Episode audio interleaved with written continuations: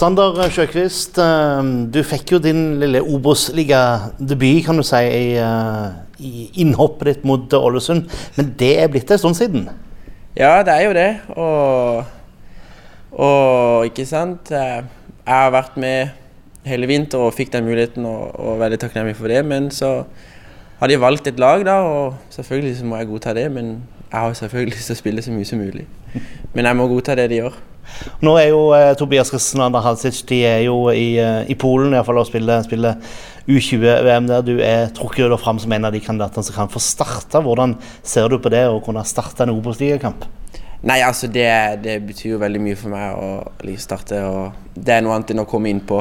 Der får du som regel noen minutter å vise deg fram på, men nå føler jeg at jeg får mye bedre tid på å vise meg fram på både for fansen og, og, og treneren.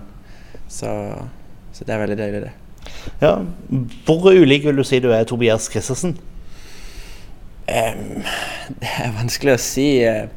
Jeg vil si vi er forskjellige spilletyper. Han er en spiller med utrolig bra overblikk og, og god til å skjerme ball og holde på ball. Jeg er nok en mer som vil sette fart og utfordre på, på bekkene. Det vil jeg nok si. Å legge innlegg og, og drible og, og, bruke fart der, kanskje. Mm. I Start 2 så har jo du eh, spilt ganske mye nå så langt eh, denne sesongen. her. Hvordan syns du det har gått eh, der? Nei, altså sånn For lag sin del så har det både gått opp og ned. altså Vi har tapt en del kamper og ikke fått til noen ordentlig lagprestasjon. Men for min del så har det vært litt opp og ned. Har spilt eh, ulike posisjoner.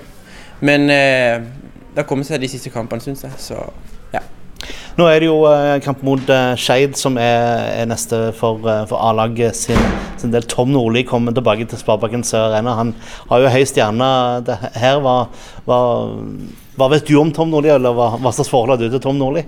Nei, Jeg har ikke så mye forhold til han, men jeg husker jo hans tid i Start som trener og, og aggressiv fotball.